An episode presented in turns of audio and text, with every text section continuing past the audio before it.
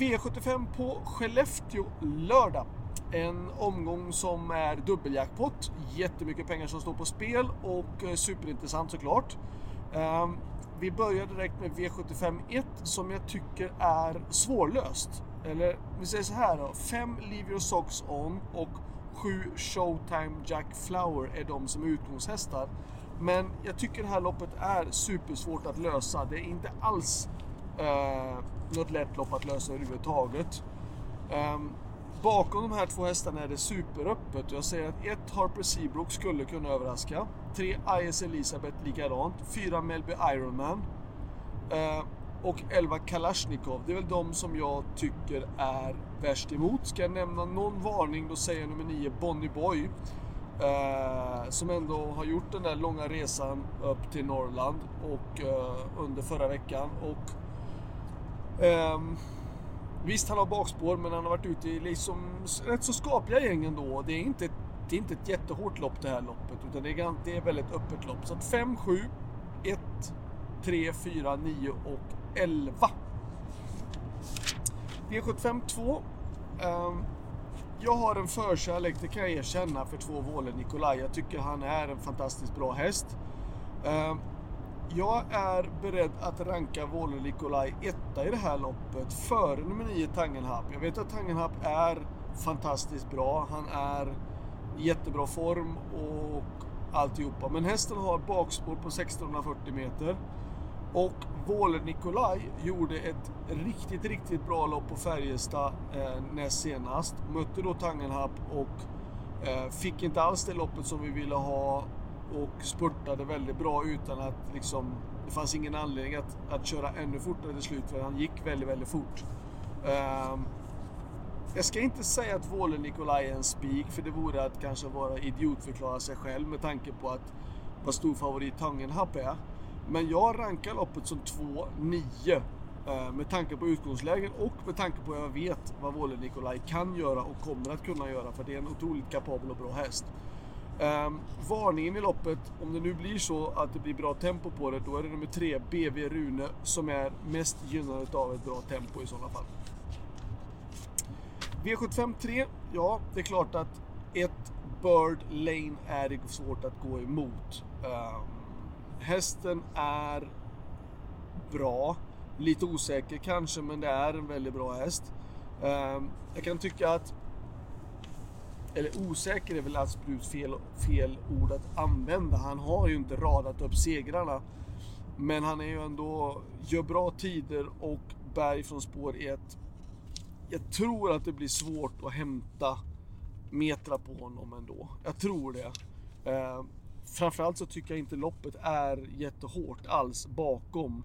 Eh, nummer 8, Diones Smaragd, är väl den som jag tycker är värst emot. Ehm, men där bakom så är loppet superöppet. Ska jag nämna en varning då säger jag nummer 9, bag-in-box med Erik Adelsson. Han har ändå spår 8 på 20 meters tillägg, men det är inga hästar på start så att det blir ju ändå spår 8 nästan på, på starten då. Jag kan tycka att det är väl ett lurigt intressant läge, men ett är spikförslaget, utmanare är 8 och där bakom är det superöppet. V75 4. Eh, spårtrappa för kallblod och så skiljer det ganska lite på prispengarna.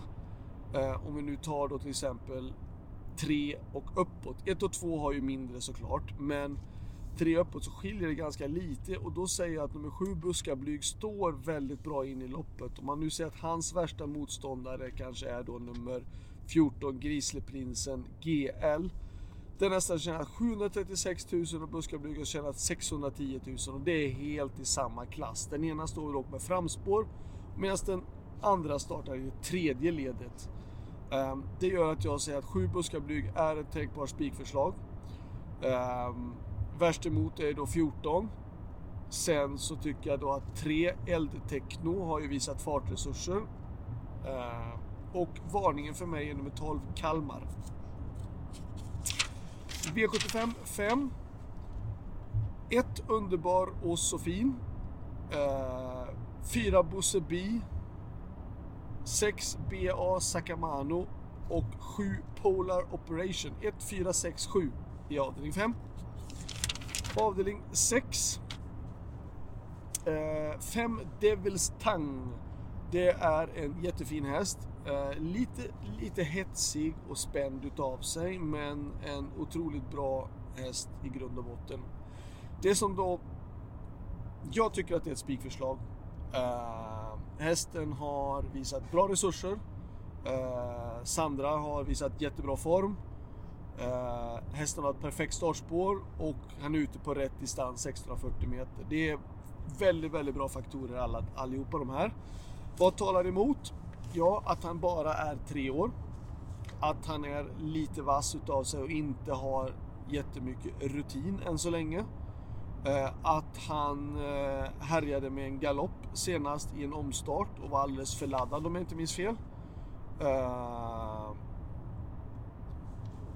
det är väl det som jag kan tycka väger lite grann in emot. Men jag tycker ändå han är i den lägsta klassen. Jag tycker alla de här positiva grejerna väger in före det här man vill hitta då, det negativa. Då. Eh, så för mig är det spik.